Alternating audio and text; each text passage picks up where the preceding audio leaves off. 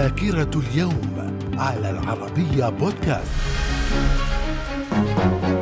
أهلا بكم إلى ذاكرة اليوم العاشر من فبراير. ففي العام 1258 سقوط بغداد في أيدي المغول وانتهاء الخلافة العباسية. في العام 1863 المخترع الأمريكي ألانسون كراني يحصل على براءة اختراع أول جهاز لإطفاء الحرائق في الولايات المتحدة. وفي العام 1931 نيودلهي تصبح عاصمة الهند. في العام 1932 سعيد بن تيمور يتولى حكم عمان ومسقط بعد تنحي أبيه تيمور بن فيصل. من الذاكرة. ومن ذاكرة العاشر من فبراير في العام 1943 الزعيم الجزائري فرحات عباس يصدر بيانا للشعب الجزائري ويعد هذا البيان النص المرجعي لثورة التحرير الجزائرية والتي انتهت باستقلال البلاد.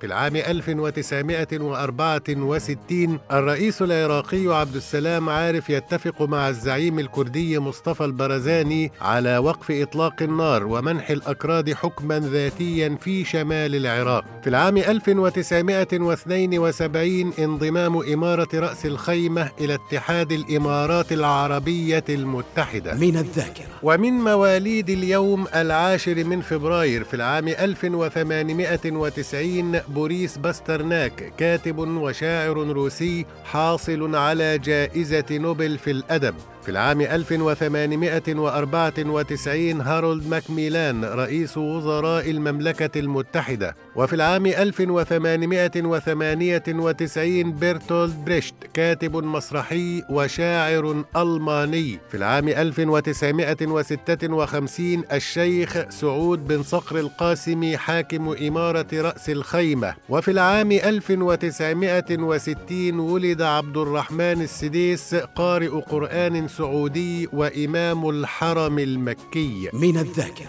ومن وفيات اليوم العاشر من فبراير في العام 1162 الملك بولدوين الثالث ملك مملكة بيت المقدس. في العام 1837 توفي ألكسندر بوشكين شاعر روسي. وفي العام 1918 السلطان عبد الحميد الثاني السلطان العثماني الخامس والثلاثون. وفي العام 1992 توفي حكمة وهبي ممثل ومغني ومذيع لبناني. في العام 2002 توفي تراودل يونغا سكرتير أدولف هتلر. في العام 2005 توفي الروائي المسرحي الأمريكي آرثر ميلر. من الذاكرة. إلى اللقاء.